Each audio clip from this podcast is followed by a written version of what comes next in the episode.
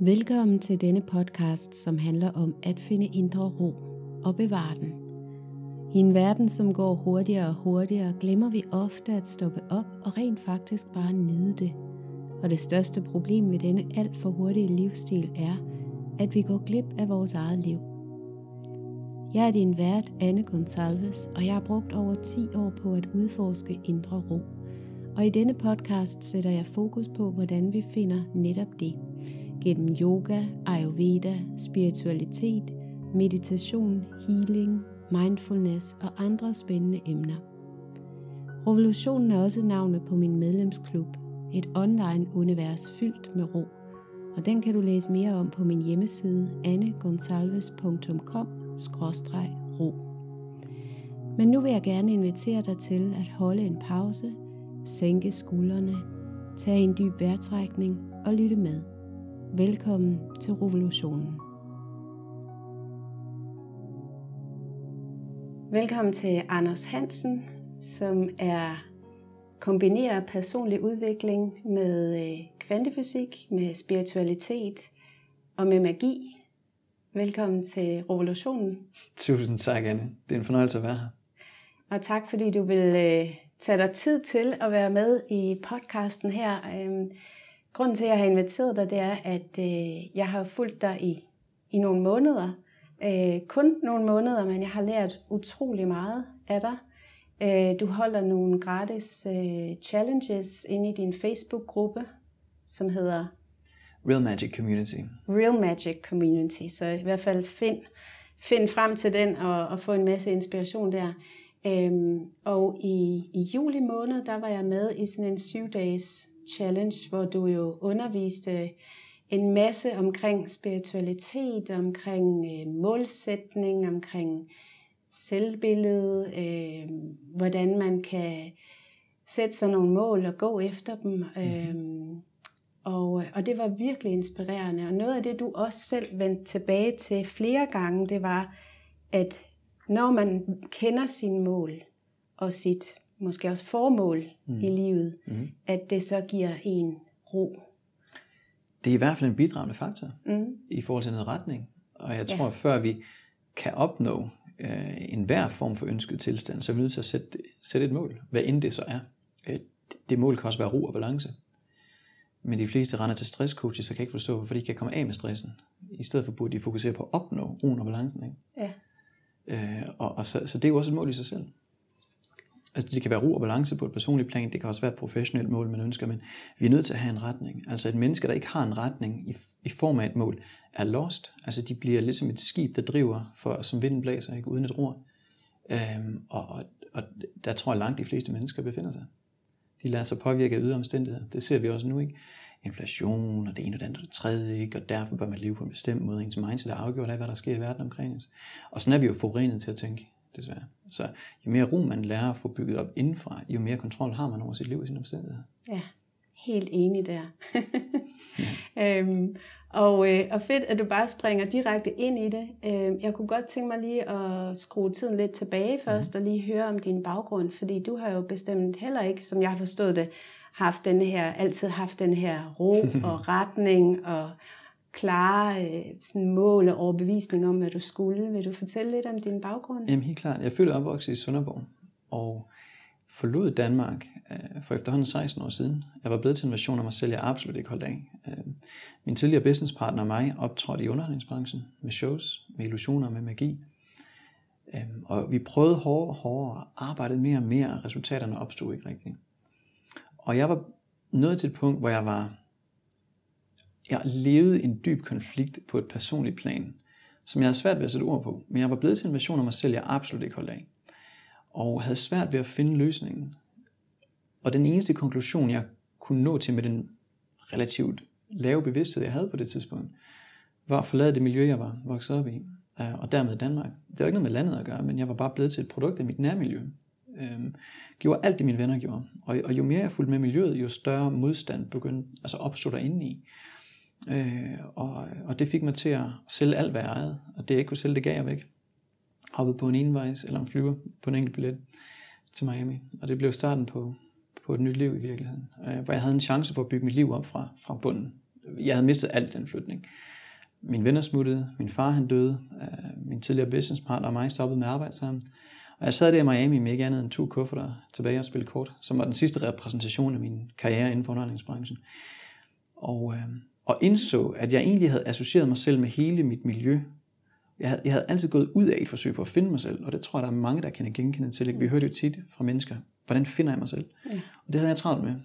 Og det er jo en proces, ved at bruge ordet finde, indikerer vi jo samtidig til vores underbevidsthed, at det er en proces, der sker gennem sanserne. Og det sker jo aldrig gennem sanserne. Jo mere man tror, man skal finde sig selv, jo mere forvirret bliver man. Og det var der, jeg var. Øhm, men, men for første gang i mit liv, hvor illusionerne ikke var der længere, altså de her forkerte associationer til mennesker, omstændigheder, fladskærmsfjernsynet og alle de andre ting, ikke? der var jeg nødt til at gå ind af. Det var første gang i mit liv.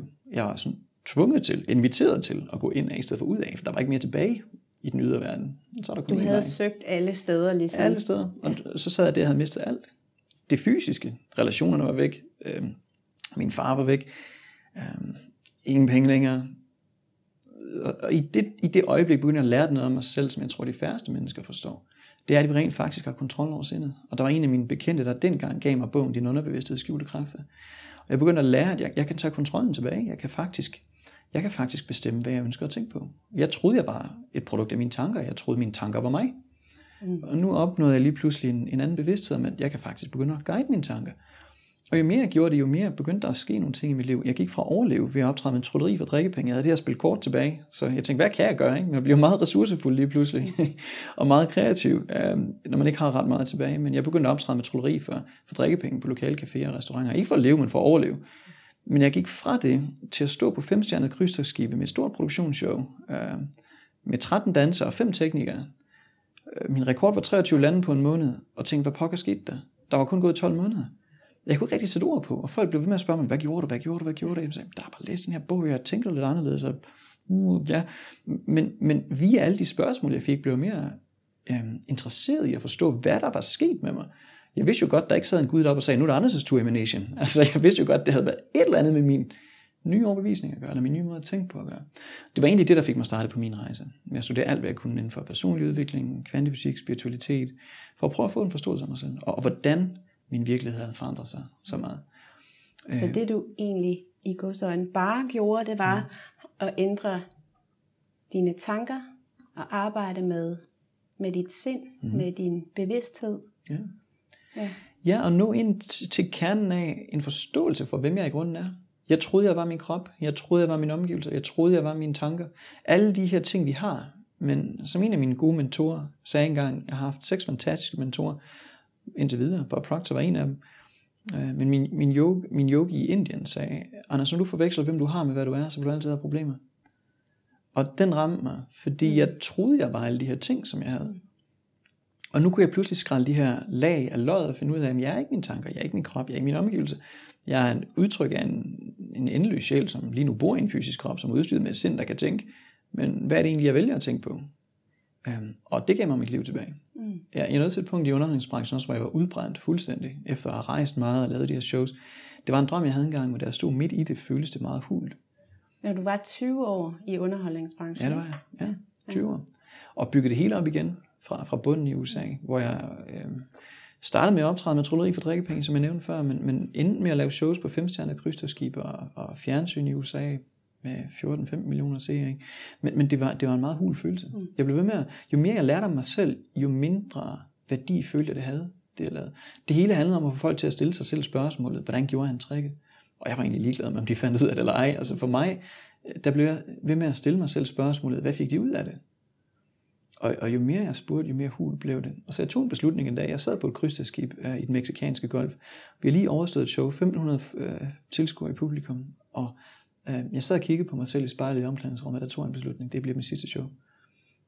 Og jeg anede ikke, hvordan det skulle udfolde sig videre frem, men jeg vidste, at jeg ville bruge resten af mit liv på at, at fremme min forståelse for de her koncepter, øhm, og hjælpe så mange, som jeg overhovedet kan i min livstid med de her ting, fordi det havde forandret mit liv så radikalt.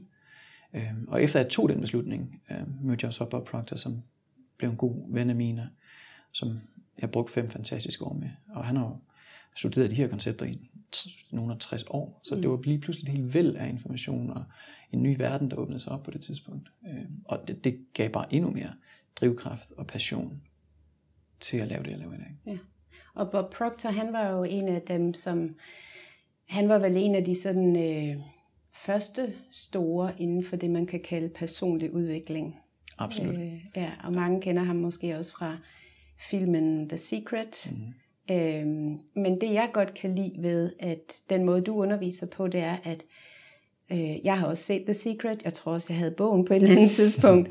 ja. øhm, og den, den blev meget populær, fordi den tog også altså, øh, nogle af de her koncepter omkring, øh, du kan skabe, eller koncept, men altså du kan skabe dit eget liv, øh, loven om tiltrækning og alt det her. Ja. Øhm, men den efterlod mig også med sådan lidt en følelse af, at når jamen, så skal man bare sætte sig ned og meditere, og så kommer alting flyvende. Ja. Øh, hvor den måde, du gør det på, bliver meget mere håndgribeligt og praktisk. Ja. Øh, så det kan overføres til noget, der er til at tage hul på mm. med det samme. Ja. Og, og det synes jeg er rart, og jeg tænker også, det er det, der der er mange, der kan relatere til, at det er sådan, okay, nu ved jeg rent faktisk, at jeg skal gøre sådan og sådan. Mm, præcis. Jeg tror, det er årsagen til, at vi har set den vækst, øh, som vi har. Altså, øh, jeg gik for, fra at stå i en stue med 10 personer for fire år siden, til, ja, nu har vi et udsolgt seminar på 500 i den her weekend. Men det er ikke et tilfælde, tror jeg. Det er netop fordi, der er mange, der mangler den her konkrete, en, en, en god mellemstation mellem det helt spirituelle, som er svært og uhåndgribeligt at forstå for rigtig mange, og så det helt praktiske med hoppe op og ned 10 gange, og så komme i en fantastisk tilstand, og så bare derud. Og, ja. Altså, der skal være, og det var faktisk altså, det, der optog mig. Ikke? Hvordan kan vi gøre det her praktisk og anvendeligt, men samtidig virkelig effektivt? Mm. Og, og altså, Bob var en af de første til at sige, efter den film kom ud, at det er en enormt overfladisk film. Mm. Altså, den er god, den er inspirerende, men, men inspiration er meget kortlivet. Altså, vi skal, vi skal have uddannelse nok til at kunne lære, motivere og inspirere os selv resten af livet. Ja, og netop også at fortsætte med det. Mm. Øhm, jeg ser det også inden for, altså bare med yoga. Mm. Øh, folk, der begynder at, at, at, tage, øh, at gå til yoga, mm. eller at begynder at meditere, og så har man, bliver man helt grebet af det, og der er den der honeymoon-fase, hvor det bare er, wow, det er for fedt det her. Ja.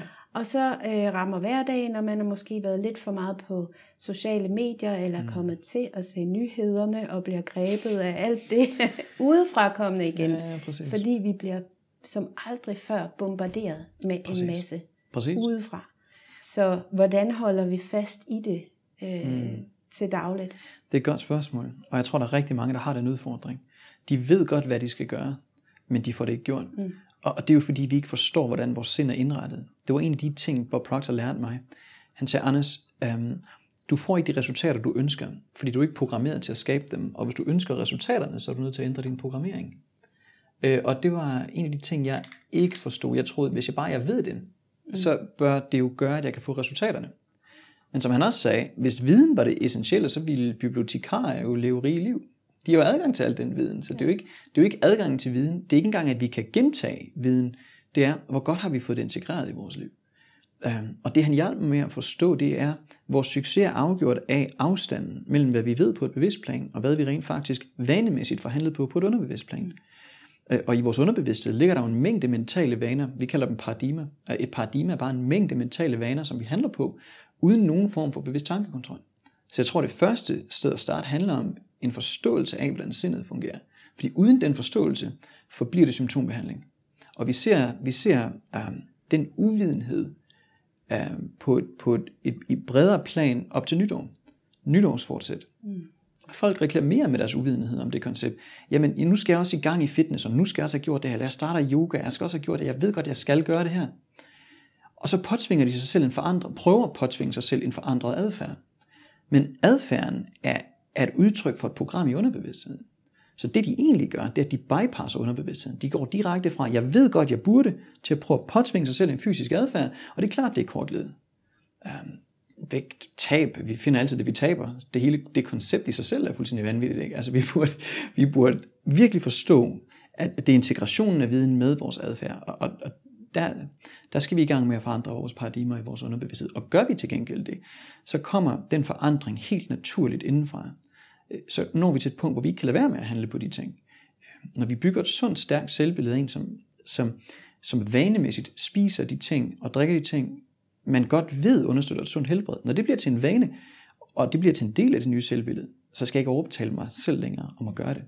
Øh, så bliver det en del af autopiloten. Og det, det er jo faktisk det, succes ikke er. Altså, succes er bare den progressive realisering af et værdigt ideal. Hvad end det så er, om det er sundhed, eller om det er vægt, frigivelse, som jeg kalder det, eller om det er økonomiske mål, virksomhedsmål, processen er fuldstændig den samme. Mm. Og, og altså, det, det, det, der, det er der, vi skal ned. Vi skal have en forståelse af os selv først, for at kunne lave den forandring. Fordi ellers vil det forblive symptombehandling. Så det handler om at forstå sig selv, og det handler også om at forstå ens øh, paradigmer, eller som man kunne kalde dem også ens vaner, eller også de, den historie, vi har med mm. os, øh, og den historie, vi også fortæller os selv. Absolut. Jeg har et godt eksempel fra mig selv, hvordan jeg har hængt fast i en historie, øh, som egentlig, det, det tog mig lige nogle år, og, og at det gik op for mig. Men øh, jeg fødte en datter for, for seks år siden, og hun sov ikke særlig godt øh, de første år. Øh, så jeg havde hele tiden den her, ej jeg er så træt. Mm. Og så blev det en historie, jeg blev ved med at fortælle mig. Da hun så begyndte at sove igennem, så gik jeg stadigvæk sådan, ej jeg er så træt. Og så en dag, så gik det op for mig, hey, du har faktisk sovet syv timer i nat, mm. uden afbrydelse. Mm. Er du virkelig træt? Ikke? Ja. Så, så de der historier, vi går og fortæller os selv, og som vi har haft kørende i mange år, men mm. det er det, du kalder paradigmer. Absolut. Som, ja. Absolut. Vores selvbillede er, en, er et stort paradigme, vi, vi også har. Det er den følelsesmæssige opfattelse af os selv, som vi aldrig kan udkonkurrere. Og øh, du kan have mennesker, som har gået i skole hele deres liv. De ved, at de ved det hele. De kan gentage det hele. De, de, de har gået i læshus gentagefabrikken, som jeg kalder den, i, ja. i mange år, og de har den rigtige viden. Øhm, men, men deres resultater er ikke et udtryk for al den viden. Øhm, så, så det, det er, altså det, de, det er sammenkoblingen af alle de historier. Og der, har vi jo, der må vi jo konstatere og erkende, at vores resultater i dag faktisk ikke engang er vores. De er et udtryk for andre menneskers vanetænkning. Mm. Altså jeg fik det med i mit DNA. Det blev forstærket i en tidlig opvækst, hvor min underbevidsthed stod på vidgab. Altså jeg var kun en krop og en underbevidsthed, der ankom. Det var du også, det var vi alle sammen. Så mellem nyfødt og 5-6 år gammel, alt det, der skete omkring os, overbevisninger, måde at leve på, indkomstniveau, øhm, fordomme, alle de her ting røg direkte i vores underbevidsthed, var med til at forme vores verdenssyn. Og jeg garanterer dig for, at et menneske, som har udfordringer, måske på et økonomisk plan, 9 ud af 10 tilfælde, så havde deres forældre deres. Øh, så den har vi lige arvet. 100 procent. Ja. Mangel, begrænsning er tillært. Mm. Det er absolut ikke vores natur. Men folk forveksler, hvad der er naturligt og hvad der er normalt. Det er jo naturligt for os at leve et rigt liv. Altså der er en intelligens i vores krop, som er for vækst, for liv, for sundhed. Den impuls er der altid. Den er i naturen, og lige så vel som den er i os. Mm. Så impulsen er der, men den bliver undertrykt af alle de her paradigmer i vores underbevidsthed, som også ligger i alle celler i vores krop, og modarbejder perfekt helbred, rigdom, overflod på alle planer. Ikke? Vi er så som, jeg er så træt. Hvor kommer det program fra? Man kan begynde at stille sig selv nogle spørgsmål, ikke, når man bliver bevidst nok. Jeg voksede op med, at folk med penge var dårlige mennesker. Mm. Vi voksede op, min bror og jeg, under middelklasse i Sønderborg, en boligblok. Øh, vores forældre havde ikke bil, øh, så hvis man skulle ud nogle steder, skulle man altid køre med sine venner, eller ikke øh, køre med bussen. Så jeg voksede op med den overbevisning, at folk med penge var, måtte helt klart være dårlige mennesker. De har gjort et eller andet, de har snydt, eller de var, altså, de, var ikke, de, de må ikke have gjort noget, som ikke var rigtigt. Øhm, så, så jeg satte mig selvfølgelig i gæld, så snart jeg kunne. Det er klart. Folk med penge var dårlige mennesker. Jeg skulle da ikke være et dårligt menneske. Så du ligesom øh, den ja. historiske linje der. Præcis. Ja. Så jeg skyndte mig til med i gæld, så snart jeg kunne. Og, og, og, og, og man kan begynde at kigge på ens resultater i dag. De er kun et udtryk for den her vanemæssige måde at tænke på intet andet, og det er vores resultater. Der er mange, der har travlt med at flygte fra dem. Jamen, det er regeringens skyld, det er, det er udenfor, mm. det er omgivelserne, det er inflation, det er, det, det er intet med det at gøre. Mm. Det, er vores, det er vores manglende evne til at kontrollere vores bevidste sind. Det er hovedårsagen. Så det er aldrig et ressourceproblem, eller et pengeproblem, eller det er, det er et perceptionsproblem, det er et mindsetsproblem. I langt de fleste tilfælde. Mm. Du, øh, på et tidspunkt, jeg kan ikke huske om du, jo du har nok sagt det på et, et af de øh, øh, lives, jeg har været med på, eller det du har lavet ind i Facebook-gruppen. Øh, du siger, at dit sind er dit største aktiv. Helt sikkert. Den skabende kraft strømmer til dig. Du vælger, hvad du vil tro på, og du bruger den skabende kraft til at bygge et billede op. Mm-hmm. Du holder billedet med en følelse, der afgør din adfærd. Mm-hmm. Så det starter med et, at du åbner dig op for den skabende kraft. Vil du prøve at forklare lidt mere om, hvad, hvad du mener med den skabende kraft, og hvordan vi kan forbinde os mm. med den for at opnå det, vi ønsker? Absolut da. Vi er allerede forbundet med den. Um, det er den kraft, der gør, at vi kan sidde her lige nu. Der gør, at vi har muligheden for at tænke frit. Fordi den mulighed har vi. Der er jo ingen, der kan tvinge os til at tænke på noget, vi ikke selv har valgt. Viktor Frankl skrev en fantastisk bog, efter at have været i en tysk koncentrationslejr i, under krigen. Og han så hele sin familie henrettet foran sig. Men på trods af al den mentale og fysiske tortur, han var udsat for, øh, der skrev han en bog bagefter. Han var en af de få, der overlevede. Og han, han nåede til konklusionen, at ingen kunne tvinge ham til at tænke på noget, han ikke selv havde valgt under de forhold. Øh, og det er jo en stor idé, som de fleste mennesker overser. Han eller hun gjorde det her, derfor har jeg ret til at være sur, eller han eller hun, er der sket sådan, ikke, og derfor har jeg... Der er fire trin til processen. Den skabende kraft strømmer ind i vores bevidsthed. Det er den kraft, der gør at vi trækker vejret lige nu og holder øh, blodet cirkulerer i kroppen, holder os i live. Men, men den kraft giver os potentialet for tankegang, giver os potentialet for at tænke frit. På et bevidst plan kan vi vælge eller afvise, tilvælge eller afvise idéer, eller begreber eller koncepter. Der er ingen, der kan, der kan tvinge os til at tænke recession, mindre vi tillader det. Så når folk siger, uge, men der er en krise, der kommer, fint, har du lyst til at deltage i den? Altså, ah, men den kommer, okay, vil du deltage i den, eller vil du vælge at lade være? Altså mentalt kan jeg vælge at lade være at deltage i den. Mm. Eller øhm, man kan vælge at blive ved med at se nyhederne hver dag, og så få det billede proppet ind i præcis, hovedet hele tiden. Præcis. Og så det er, det, altså, det er forståelsen af, at vi har et valg på det bevidste plan. Det er trin 1. Og så begynder at afvise idéer, tanker. Og det er jo ligegyldigt, hvor meget fakta, der er bag det. Der er fakta herover, så er der sandhed herover. Fakta er, sådan her ser tingene ud. Sandheden er, at jeg har friheden til at skabe mit liv indenfra og ud lige nu. Ingen kan tvinge mig til at tænke på noget, jeg ikke selv valgt. Det kan godt være, der kommer en recession, men jeg kan skabe min egen økonomi, og det kan jeg gøre indenfra ud. Når jeg begynder at forstå de her koncepter. Det er bare et område. Men også i forhold til sundhed. Altså, øh, frygt, der er ikke noget, der smitter mere end frygt. Øhm, men et frit valg på et bevidst plan, det, det er tankerne, som som vi, som vi tænker på, men vi tænker i billeder som mennesker. Vi tænker ikke i ord. Så vi skal have skabt et billede af den ønskede tilstand. Og det skal være meget detaljeret. Det skal man kunne se for sit indre blik. Og nu, nu er vi helt over i mentale værktøjer. Det er lidt en udvidet dialog for at prøve at forklare konceptet, men jeg tror, det er vigtigt. Altså, vi har vilje, fantasi, intuition, resonemang, perception og hukommelse. Seks fantastiske mentale værktøjer, som er helt perfekte. Så jeg, har jeg har en dårlig hukommelse. Det findes ikke. Den kan være svag, og den kan være stærk, men der findes ikke noget som en dårlig hukommelse. Den er perfekt. Den er måske lidt svag, men de mentale muskler er underlagt de samme muskler som kroppens muskler. Ikke? De kan styrkes ved træning. Så vi skal kunne se billedet af det, vi ønsker. Det er ikke nok bare at tænke positivt en gang imellem. Vi skal kunne se det her billede meget klart. Så skal vi, det vil sige, at vi bruger nu vores vilje og vores fantasi koblet sammen. Fantasien til at bygge billedet. Som børn ankom vi med en perfekt fantasi, så fik vi lært at skrue ned for den. stoppe med at kigge ud af vinduet, starte med at gentage tingene. Ikke? For Gud skulle lade være med at være for fantasifuld. Øhm, og så har vi voksne mennesker, der render rundt og tror, at de ikke har nogen fantasi. Det passer ikke. Men anyways. Så, så viljen og fantasien, viljen giver os i stand til at holde fokus på det billede. Og viljen er til sindet, hvert forstørrelsesglas er for solen om sommeren. Du, nu tager du den skabende kraft, og bruger den kraft til at sende imod et bestemt outcome. Og det gør, at energifrekvensen forøges i de, i de hjerneceller, som korresponderer med det billede. Så nu begynder vi at sende energi mod en meget specifik outcome. Og når vi begynder at tilføre følelser til, den, til det billede, så begynder energifrekvensen at ændre sig i vores krop. Så vidt vi ved, at vi er den eneste skabning på planeten Jorden, der kan gøre det. Vi kan kun tiltrække det, vi er i harmoni med. Øhm, så altså, når du kigger på naturen, en rosenbusk, øh, eller frøet til en rosenbusk bliver kun til roser, det bliver ikke til gulerødder ved et uheld. Altså, når du planter det frø, som har en energifrekvens i sig i jorden, kan det kun tiltrække partikler, som er i harmoni med det frø. Det kan ikke blive til andet. Men, men vi, har, vi har den egenskab og de mentale værktøjer, som gør os i stand til at ændre vores energifrekvens. Ikke? Og, og, og det er jo så det tredje trin. Så første trin, det frie valg, det mentale billede, det kan jeg vælge, selvom min omstændighed ikke ser særlig god ud. Jeg sad i Las Vegas med en blodprøve, der sagde, at jeg var meget syg, skyldte 50.000 dollars i gæld, og havde forhold, der ikke fungerede. Så på alle parametre fungerede mit liv ikke. Men jeg har studeret det her nok til at vide, at jeg kunne tage en beslutning. Og jeg besluttede mig for, at jeg vil arbejde med den bedste i verden inden for personlig udvikling. Jeg vil skabe ro og balance. Jeg vil være sund og rask. Jeg vil leve i bedre forhold og frihed. Og alt det opnåede jeg inden for 11 måneder. Det var så chokerende et resultat, at jeg er svært at forstå, hvad pokker der skete med mig, men jeg kunne se, at min energifrekvens havde ændret sig så radikalt. Og det er jo egentlig det tredje trin, det er, at du kan lære at kontrollere din frekvens. Og den afgør, hvad vi tiltrækker. Den afgør, hvad vi begynder at se i vores omverden. Fordi skabelsen er jo fuldendt. Der er jo intet, der er skabt eller ødelagt i den verden, vi bor i. Alt ændrer bare sin frekvens. Tilbage til lån om energifrekvenser, som er primær. Lån om tiltrækning er sekundær. Ikke? The Secret, åh, oh, lån om tiltrækning.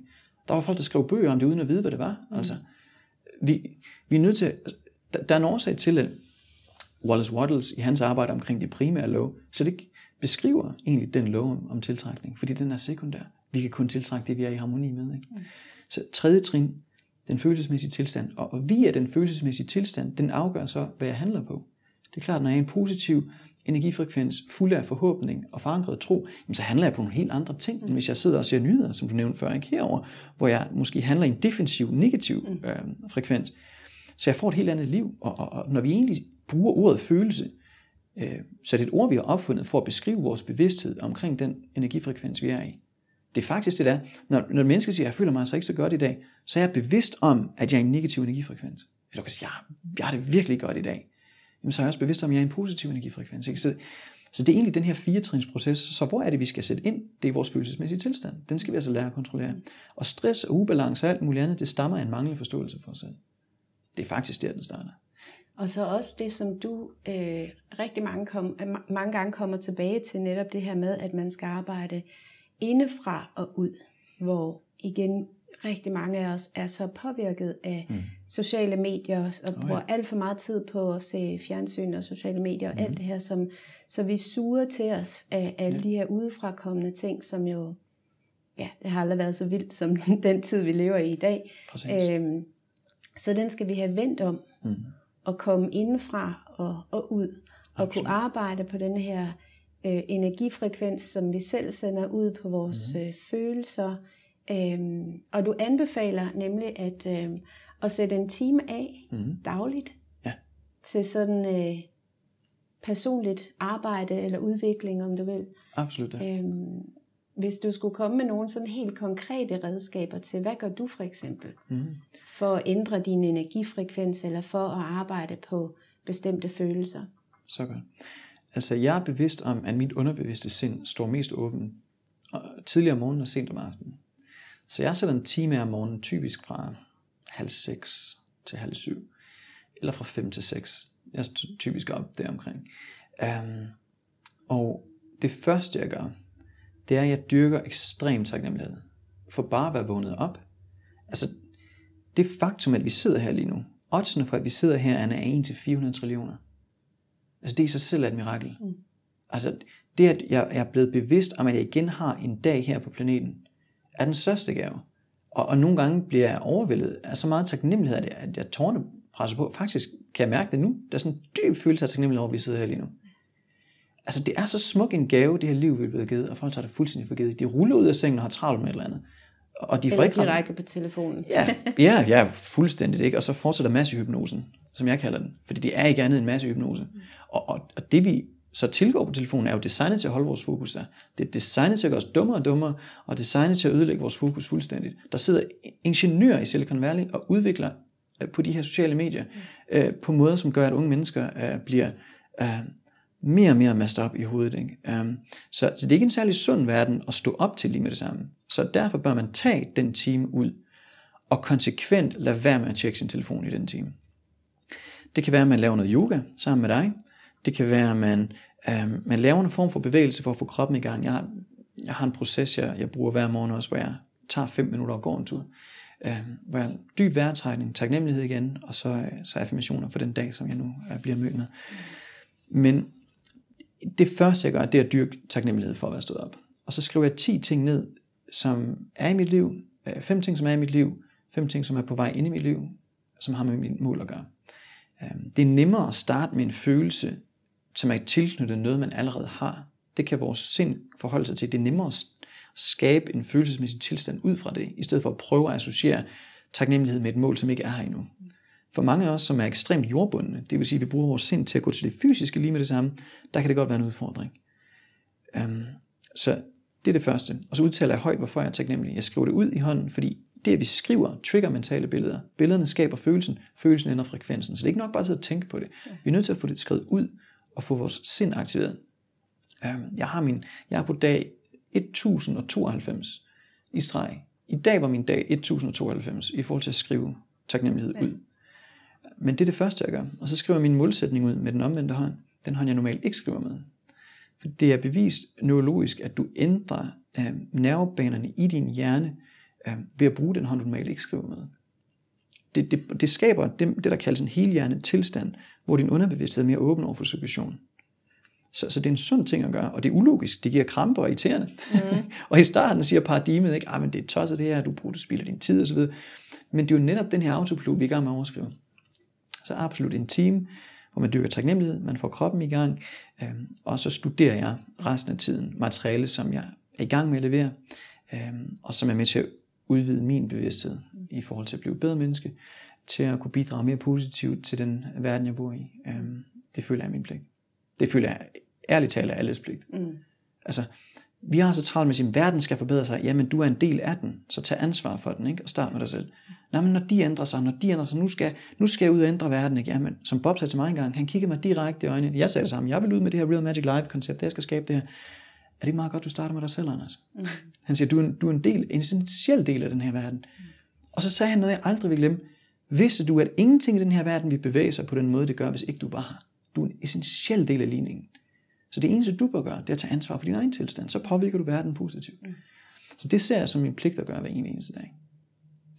Og tak fordi du deler hele din, din morgenrutine her. Jeg mm. synes, det er rigtig øh, værdifuldt. Øh, og jeg tænker en, en stor hjælp for mange, der måske ikke ved, hvor skal de lige tage mm. fat henne. Ja. Øhm, og netop det der med, at vi alle har en del af ansvaret, og også har ansvaret for vores eget liv. Præcis jeg tror bare, at det øh, at huske på det, kan gøre mm. en mhm. kæmpe forskel for mange, der måske netop, hvis man har en tendens til at sige, at det er også regeringens mm. skyld, eller det Præcis. er også pandemiens skyld, eller hvad det nu kan være, ikke? at man øh, kan hente det der ansvar hjem, og, og på den måde være med til også at forstå, hvor stor en, hvor mange muligheder man har selv. Absolut. Men det er jo et stort ansvar. Ja. Og det er nemt at løbe fra, for det har vi fået lært. Ja. Altså, Øhm, og til dem, der lytter med, som vi har en gratis 10-dages taknemmelighedschallenge, man kan være med i, andershansen.com. Øh, den er gratis, det er 10 dage med fem konkrete værktøjer, man bruger på daglig basis. Ikke? Men det, der er så vigtigt at forstå, det er ikke kompliceret, det er bare ikke nemt. Mm. Altså, det er ikke svært, det er bare ikke nemt at integrere. Øhm, taknemmelighed overskriver alle de andre følelser. Du kan ikke være frustreret, irriteret, bekymret, frygtsom og virkelig taknemmelig samtidig. Mm. Altså, jo mere vi dyrker, dyrker taknemmeligheden, jo mere, jo mere ro kommer der om netop. Jeg elsker det her koncept, du har udviklet med revolutionen, fordi hvis bare vi alle tog ansvar der, og, og, og ikke prøvede at forandre på verden, før vi forandrer på os selv, så vil verden blive et væsentligt bedre sted. Væsentligt hurtigere. Ja. Jeg har et, øh, et spørgsmål vedrørende, vedrørende vækst. Mm-hmm. Fordi du siger nemlig også, øh, at vækst er et sundt tegn, øh, men det er kun få, der skaber vækst kontinuerligt. Mm. Øhm, og på et tidspunkt, der har du også, øh, ja, der er et andet et citat, jeg kender det på engelsk, if you're not growing, you're dying. Yeah. Og du siger noget lignende, yeah. hvis du ikke er i vækst, så er du i, til intet gør du. Absolut. Eller hvordan er det, du siger det? Hvis ikke der er udvikling, så er der afvikling. Ja. Du, du kan ikke have, der er intet, der står stille i det her univers du kig, vi, vi kan jo bare kigge på naturen som vores øh, eksempel. Altså, mm. indtil så stille. Alt er enten, enten vækster det, eller så til gøres det. Og det betyder ikke, at vi dør fysisk, men vi kan i hvert fald stå stille mentalt og spirituelt. Og så begynder tingene at gå den forkerte vej meget hurtigt. Mm. Kan øhm. betyder det så, at, undskyld, men mm. fordi noget af det, jeg tænker, det er sådan nogle gange, jeg arbejder også næsten dagligt med mig selv mm. igennem meditation eller yoga eller hvad jeg ellers gør. Mm-hmm. Lytter til dig for eksempel. Øh, og så nogle gange så tænker jeg, ej, nu har jeg simpelthen bare brug for en fridag. Øh, mm. Og fordi det er også nogle gange hårdt arbejde. Ikke? Absolut, ja. Absolut. Øh, det indre arbejde, man laver, er nok ja. noget af det, det sværeste i ja. verden. Men, men det, altså, jeg er, jeg er dybt taknemmelig for mine resultater, men jeg er aldrig tilfreds med dem. Altså jeg fik lært, at man skal være tilfreds med det, man har. Mor var forkert på den. Mor, jeg elsker dig. Når du ser med i dag, ovenfra, øhm, at du gjorde det virkelig godt, da du var her. Men, men lige i forhold til det, var hun altså forkert på den. Vi skal være dybt taknemmelige for det, vi har, men aldrig tilfreds. Det var netop utilfredsheden, der gav os den verden, vi lever i. Så skal vi altid stræbe efter noget mere? Jeg, vil, jeg kan ikke lide at bruge ordet stræbe, mm. fordi dermed kommer der sådan en negativ connotation, at det skal være hårdt arbejde. Mm. Det skal det ikke være. Tværtimod, det skal være let og lejende med ro og balance. Men de fleste tror, fordi at man nu sætter mål, så skal det være hårdt. Det har vi jo fået lært. Stort mål, hårdt arbejde. Jeg kunne virkelig godt tænke mig den her frid, men jeg skal i hvert fald ikke have så travlt. Hvem siger, vi skal? Det er jo alt sammen det gamle program igen. Jeg mener, hvis ikke vi... Det er vores pligt at vækste. Ikke kun for vores egen skyld, men også for vores families skyld, vores virksomhed, vores team, folk, der er afhængige af os. Jeg ser det som ikke kun min pligt, men også noget, som jeg virkelig elsker. Hele tiden at sætte mål, som er langt ud over, hvad jeg nogensinde har opnået før. Fordi jeg ved, det holder mig i live. Det handler ikke engang om målet. Målet bliver et hyggeligt lille biprodukt en gang, når vi når det. Øhm, men, men det, der den virkelige essens i det, det er, at det holder os i live. Det, det holder os i vækst. Det sikrer os, at vi bringer mere af vores potentiale til overfladen. Det er hele essensen. Altså, der er egentlig tre årsager til, at vi sætter øh, mål, eller tre kriterier, vi er nødt til at overholde for at sætte mål. Et, vi, vi forstår, at målet ikke engang er der for, at vi skal nå det. Det er der bare for at sikre os, at vi holder os i vækst. To, det skal være noget, vi virkelig ønsker. De fleste går efter miniatyrmål. Hvis bare jeg kan leve af det, hvor er inspirationen hen? Altså lad os virkelig komme ud, hvor det bliver sjovt. Vi kan gå til to kilder, videnskab og teologi. De fortæller os begge, at vi har uendelig potentiale. Jeg ved ikke, hvor meget det er, men jeg ved i hvert fald, det er mere end det, jeg lever i dag. Så lad os få det udledet. Altså, og der er ingen forskel på du og jeg, eller Elon Musk, eller alle de andre, der render rundt og sender raketter til Mars. Vi har de samme mentale værktøjer, vi har det samme potentiale. Jamen, jamen, de har flere ressourcer. Jamen, det har de, fordi de tænker på en anden måde. Mm. altså, øhm, så et, hovedformålet med en mål er at sikre os, at vi holder os i vækst. To, det skal være noget, vi virkelig ønsker. Og tre, vi kan ikke vide, hvordan vi når det til. Hvis vi Nej, så man skal, ikke, man skal ikke stille spørgsmålet, hvordan? Nej, lige præcis. Den Nej. skal vi helt ud over. Ja. Vi skal give slip på, hvordan. Og det er der, de fleste sidder fast. Mm. Vi har hørt det hele vores liv. Mor og far, jeg kunne godt tænke mig, hvordan skal du kunne betale for det? Hvordan skal det kunne lade sig gøre? Så, så, så det er der, vores sind går til automatisk. Den venstre hjernehalvdel, den analytiske side, kommer ind alt for hurtigt og skal have opskriften og ressourcerne og vejen dertil, før vi tager det første skridt. Det er derfor de fleste, som jeg siger, sidder begravet i middelmådighed, de ved det ikke engang. De sidder begravet til med baconlever på steg til knæene. Altså, og de kan ikke forstå det. Og det er simpelthen fordi, at vi er blevet programmeret til at tro, at vi skal vide hvordan. Og hvis ikke jeg ved hvordan, så siger vi, så kan jeg ikke. Det passer jo ikke. Det er en løgn. Jeg ved bare ikke, hvordan. Selvfølgelig kan jeg. Jeg er udstyret med uendelig potentiale. Selvfølgelig kan jeg. Det er ikke spørgsmål, om jeg kan. Selvfølgelig kan jeg. Jeg ved bare ikke, hvordan endnu. Det er sjovt at finde ud af, hvordan. Mm. Så det bør aldrig holde os fra at sætte et, et drømmemål. Altså. Så du skal ikke kunne se hele rejsen foran dig. Du skal bare kunne se, at du tager det første skridt, og så bliver det til det næste, yes. og så videre du skal bare se så langt som du kan og tage det første skridt. Men det starter med målet. Og efter at have arbejdet i underholdningsbranchen 20 år med illusioner, jeg havde aldrig blevet stillet det her spørgsmål, som Bob stillede mig dengang i 2017. Han sagde, Anders, hvordan opfinder du en illusion? Og for første gang satte jeg ord på, efter at have gjort det i 20 år. Og da jeg hørte mig selv sige det, så tænkte jeg, det er faktisk pokkers godt det her. Jeg siger, jeg går så langt jeg kan i fantasien. Jeg bygger et billede af noget, som jeg lige nu ser som værende umuligt, og så arbejder med baglæns. Siger, gud, det er jo det, jeg har brugt 60 år på at lære millioner af mennesker at gøre. Det, vi har gjort i forskellige brancher på hver vores måde, men det er det samme princip. Så, så vi skal gå den anden vej. Vi skal sige, hvad vi absolut elsker. Blive meget klar på, hvordan det ser ud. Og så er vores job at øge vores bevidsthed til et punkt, hvor vi kan se, hvordan. Men, men det er bevidstheden, vi er efter. Det er ikke viden. Det er bevidsthed, og det er noget, man bygger op indenfra. Mm. Øhm, så det der, altså vi, vi kan ikke se andet end indholdet af vores egen bevidsthed på nuværende tidspunkt. Vi kan kun se det, vores egen bevidsthed kan rumme. Så vores opgave er at sætte målet, og så, så tage en livslang commitment om at udvikle vores bevidsthed. Ikke for vores egen skyld, men for vores medmenneskers skyld. Altså. Mm. Målet skal være så meget større end os selv. Og, og der er de mennesker, der glemmer sig selv til udødelighed, fordi de pludselig bliver opslugt af noget, der er så meget større.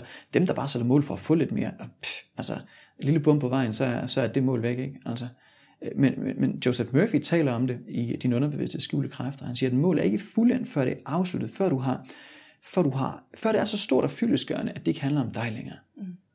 Og det er det, vi skal ud. Det er det, der driver mig hver dag. Det er den forskel, vi gør i verden. Det er de tusindvis af mennesker, vi hjælper, plus de børn og de familier, vi støtter med mad, som normalt ikke får nok at spise. Det er den største drivkraft for mig. Og jeg bliver rørt, når jeg taler om det, men, men det er der får mig ud af sengen, det er der får mig i gang. Det de familier, jeg ved, vi kan hjælpe, og det er, når, når vi går fra mig til os, så begynder tingene virkelig at forandre sig. Og de fleste har fokus på sig selv, desværre. Altså verdens lille go-getters, det er dem, der taber ikke på den lange bane. Det er verdens go-givers, der, der ender med at opnå deres mål. Ja.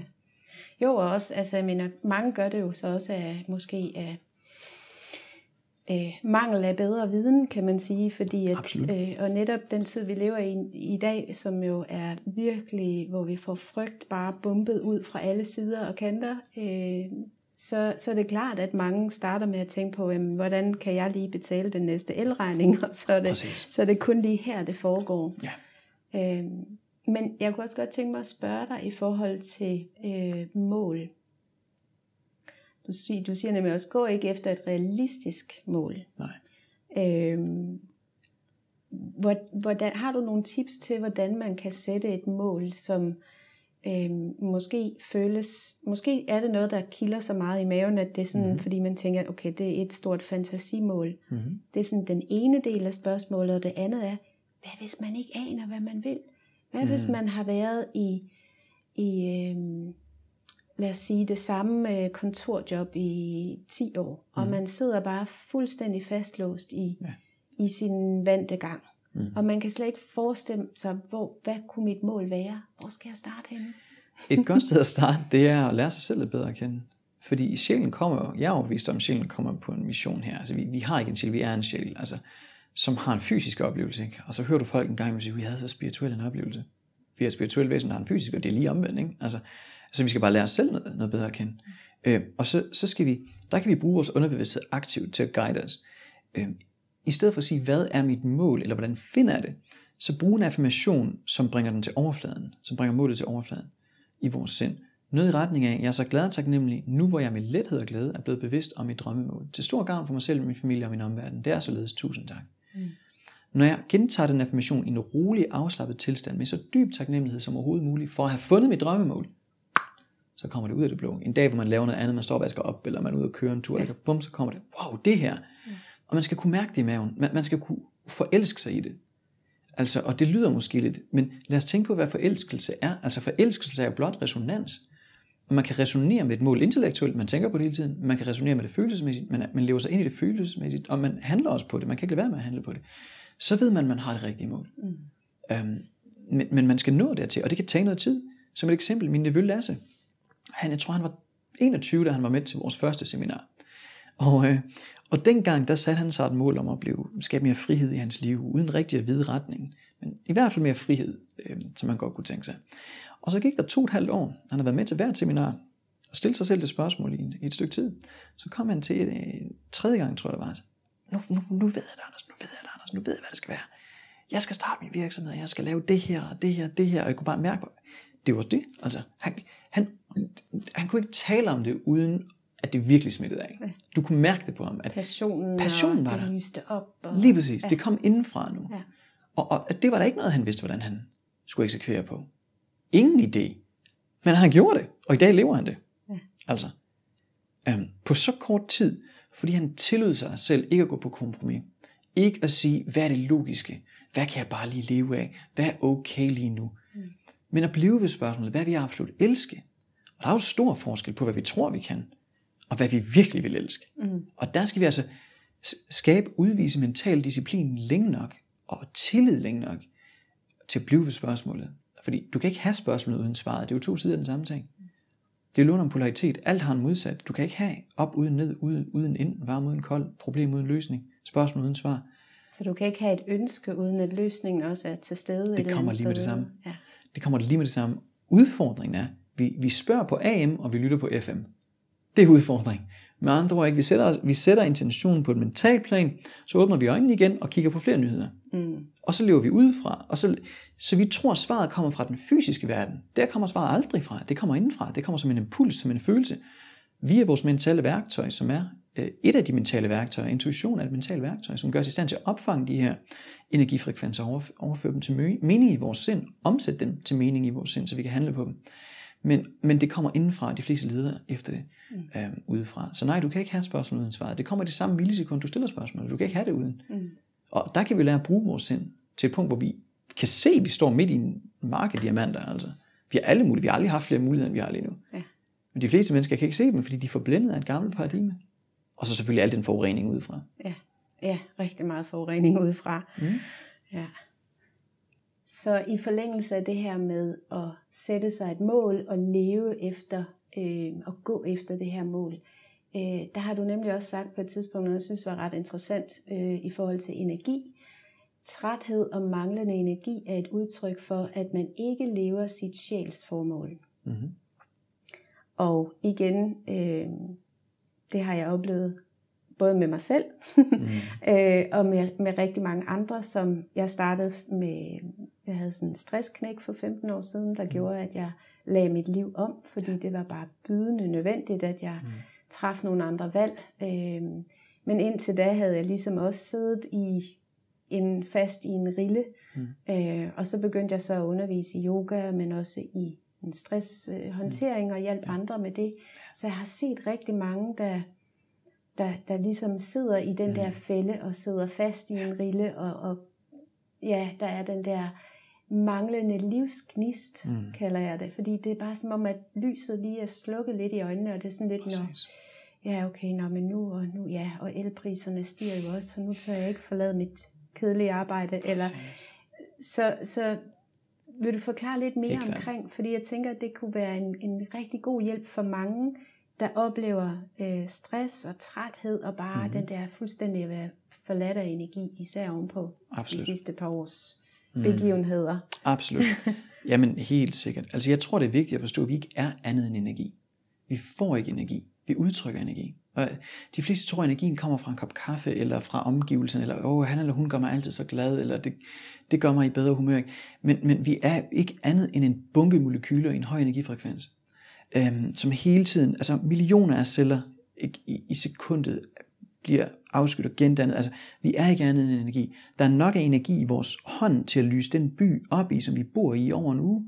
Og så har potentiel energi i brintatomerne i vores krop. Hvis al den energi kunne udnyttes, så kunne vi uden problemer lyse så meget op. Og de fleste siger, jeg har ikke nogen energi. Det er jo ikke, at vi ikke har den. Vi har ikke fået lært at udtrykke den. Og det der er triggermekanismen for udtrykkelse af den energi, det er et brændende ønske.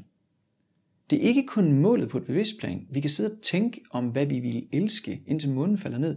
Men når, når vi går fra at have det på et bevidst plan, til at lade det synke i underbevidstheden, og tilføre så mange følelser til, at det bliver til et brændende ønske, så kommer energien indenfra. Så kommer vi til at udtrykke mere af den. Vi får den ikke, vi udtrykker den bare mere. Så, så det starter igen tilbage til målet. Hvis man sidder og er træt, nedkørt, 9 ud af 10 tilfælde, mangel energi og også sygdom, er jeg overbevist om, er et, egentlig et symptom. Hovedårsagen er, at man ikke forstår sig selv, og man har ikke sat et mål, som er en værdigt. Spørgsmålet er ikke, er, er det målet, der er mig værdigt? Altså, jeg er den højeste, mest avancerede skabning på planeten Jorden. Altså, så, så spørgsmålet er ikke, er målet mig værdigt? Er, er, altså, jo, er målet mig værdigt? Fordi jeg bytter mit liv ud for det, jeg står op til i morgen. Så jeg sikre mig, at det, jeg står op til, virkelig er noget, jeg vil elske at udtrykke. Så man vil opleve, og det ser vi jo i vores community, gang på gang på gang med mennesker, som sætter den, de rigtige former for mål, lærer at leve sig ind i det, jamen pludselig kommer energien igen, symptomerne forsvinder, den her diagnose, man engang troede, man havde, er væk lige pludselig, øh, fordi man igen har fået kontakt til en højere side af sin personlighed. Og, og det, altså, der er meget i det her, Anne, men jeg føler det er vigtigt også at komme ind på, at vi lever på tre planer samtidig. Ikke? Vi er et spirituelt væsen øverst, som er udstyret med et sind i midten, der kan tænke, og så lever vi også på et fysisk plan. De fleste bruger sindet til at gå til det fysiske, nyhederne, udenfor. Hvad sker der? Vi har ikke fået lært at gå den anden vej. Men jeg kunne bruge sindet til at gå opad, og hente de tanker og de ting ned i min bevidsthed, i mit sind, der skal til, for at skabe lige præcis det afkom, jeg ønsker på et fysisk plan. Så det er ovenfra ned, indfra og ud. De fleste lever udefra og ind, og det er derfor, de er trætte. Det er derfor, der ikke er noget drive. Det er derfor, der ikke er nogen energi. De er så forurenet til at tro, at livet sker i den fysiske verden. Det er jo ikke, hvor tingene er. Det er, hvor tingene ender. De fleste tror, det er det, tingene er. Det er det at se, tingene ender som et udtryk for en tanke eller en idé. Og jeg tror, når vi opnår bare den forståelse og øger vores bevidsthed på det område, så er vi nået et stykke af vejen. Og så handler det om, at man bruger tid med, med dig, som, som, som kan hjælpe en med at, at et, forstå sig selv noget bedre, komme af med den ubalance, få, få skabt noget mere ro altså, i systemet. Øh, Stress og ubalance og manglende energi kan jo ikke, op, kan ikke leve eller overleve i et system, hvor der er ro og balance. Altså jeg bliver tit upopulær i mine seminarer. Jeg siger, at stress er bare, bare, bare i anførselstegn blot ens manglende evne til at kontrollere tanker, følelser og handlinger. Mm. Altså, ja, vi kan pakke det ind på mange måder, og vi kan prøve at pakke det ind i hvert for at servere det på en måde, som man ikke støder nogen. Men det er fakta. Jeg var ikke særlig god til det. Derfor havde jeg det. Fordi jeg levede udefra ind. Altså, men, men det, er, det er i høj grad det. Jo mere kontakt og forståelse man har for sig selv, jo mindre kan omverdenen kontrollere en. Ja. Og jo mindre begynder man at tage kontrollen tilbage over sine resultater. Ja. Og så kan man jo give det videre til sin familie, sine medmennesker. Og det er jo en smuk ting. Men ja. du har også mange mennesker, som er ubevidst kompetente, de har de resultater, de ønsker, men de er ikke bevidste om, hvad det var, der gjorde det. Mm. Og de kan have enorm succes, men de kan ikke engang give det videre til deres børn. Ja. Og det er jo egentlig lidt tragisk, når man tænker over det. Så de er mere sådan måske lidt tilfældigt snublet over Præcis. værktøjerne. 100 procent. Mm. Der har du de fleste mennesker, er jeg overbevist om, der, der har succes på mange områder. De kan ikke artikulere, hvorfor. De kan ikke sætte sig ned og forklare, hvad det er for nogle mentale værktøjer, de bruger, hvordan de fik styrket deres selvbillede, om jeg var måske bare lidt heldig, mm. eller jeg arbejder bare lidt hårdere, eller mm. det hører du dem ofte sige. Men vi ser, vi ser også lige så tit i vores programmer, at du har enormt succesfulde mennesker, som starter på mange områder succes på et personligt eller professionelt plan, som pludselig siger, nu forstår jeg, hvad det var, jeg har gjort. Mm. Og så kan man jo gange det med 10, og så kan man give det videre til resten af verden. Ikke? Og det er jo en dejlig ting. Ja. Ja, og jeg, jeg, jeg tror jeg faktisk, jeg har det lidt på samme måde, fordi jeg har altid været en drømmer, mm. øh, men ikke rigtig været bevidst om, hvad det egentlig var, jeg skabte mm. med mine drømme og min fantasi, at det var der, det startede. Mm. Og så når jeg kunne mærke, at det ligesom trak, jeg altid haft sådan en, en fornemmelse af, at jeg havde sådan et reb mm. fra mit hjerte, og så blev det bare trukket i det, når jeg skulle i en bestemt retning. Mm. Nu begynder jeg jo sådan at kunne øh, også at sætte ord på, og netop også at kunne give det videre til min datter, for mm. eksempel, som jeg øh, virkelig øh, ja, vil elske, hvis jeg kan give noget af det her med. Øh, for det er ikke noget, man lærer i skolen i hvert fald. Så, det er helt sikkert. Ja. Det er helt sikkert. Øhm, jeg kunne godt tænke mig at spørge dig her til, til slut, hvis du skulle give sådan øhm, et godt råd, eller dit bedste råd til at finde indre ro. Mm. Tag en beslutning om at udvikle dig selv på daglig basis, en time om dagen, og dyrk ekstrem taknemmelighed for det faktum, at du er her lige nu. Så kan omverdenen ikke have så meget kontrol over dig øh, længere, og så begynder du at tage kontrollen tilbage over din omverden. Fedt. og igen, andershansen.com, der er en gratis taknemmelighedschallenge. Ja, Den kan man være med og ellers i din, øh, i din Facebook-gruppe også, yes. Real Magic Community. Ja. Og så er du i Danmark et par gange om året, ikke? Og det er holder vi. nogle live events. Det er vi. Tre gange om året typisk. Januar, maj og september. Ja. Med vores Real Magic Live event er her. I den her omgang er vi i København. I 2023 januar bliver det Aarhus, og så er det nok tilbage til København til maj 2023. Mm. Mm. Så realmagiclive.com eller andershansen.com kan man også tjekke det ud. Ja. Tusind tak, fordi du vil være med. Det er min fornøjelse. Tak skal du have, Tusind tak, fordi du lyttede med til Revolutionen. Hvis du vil læse mere om mit online-univers, yogauddannelser og yoga-retreats, og tidligere afsnit af podcasten, så klik ind på min hjemmeside anegonsalves.com.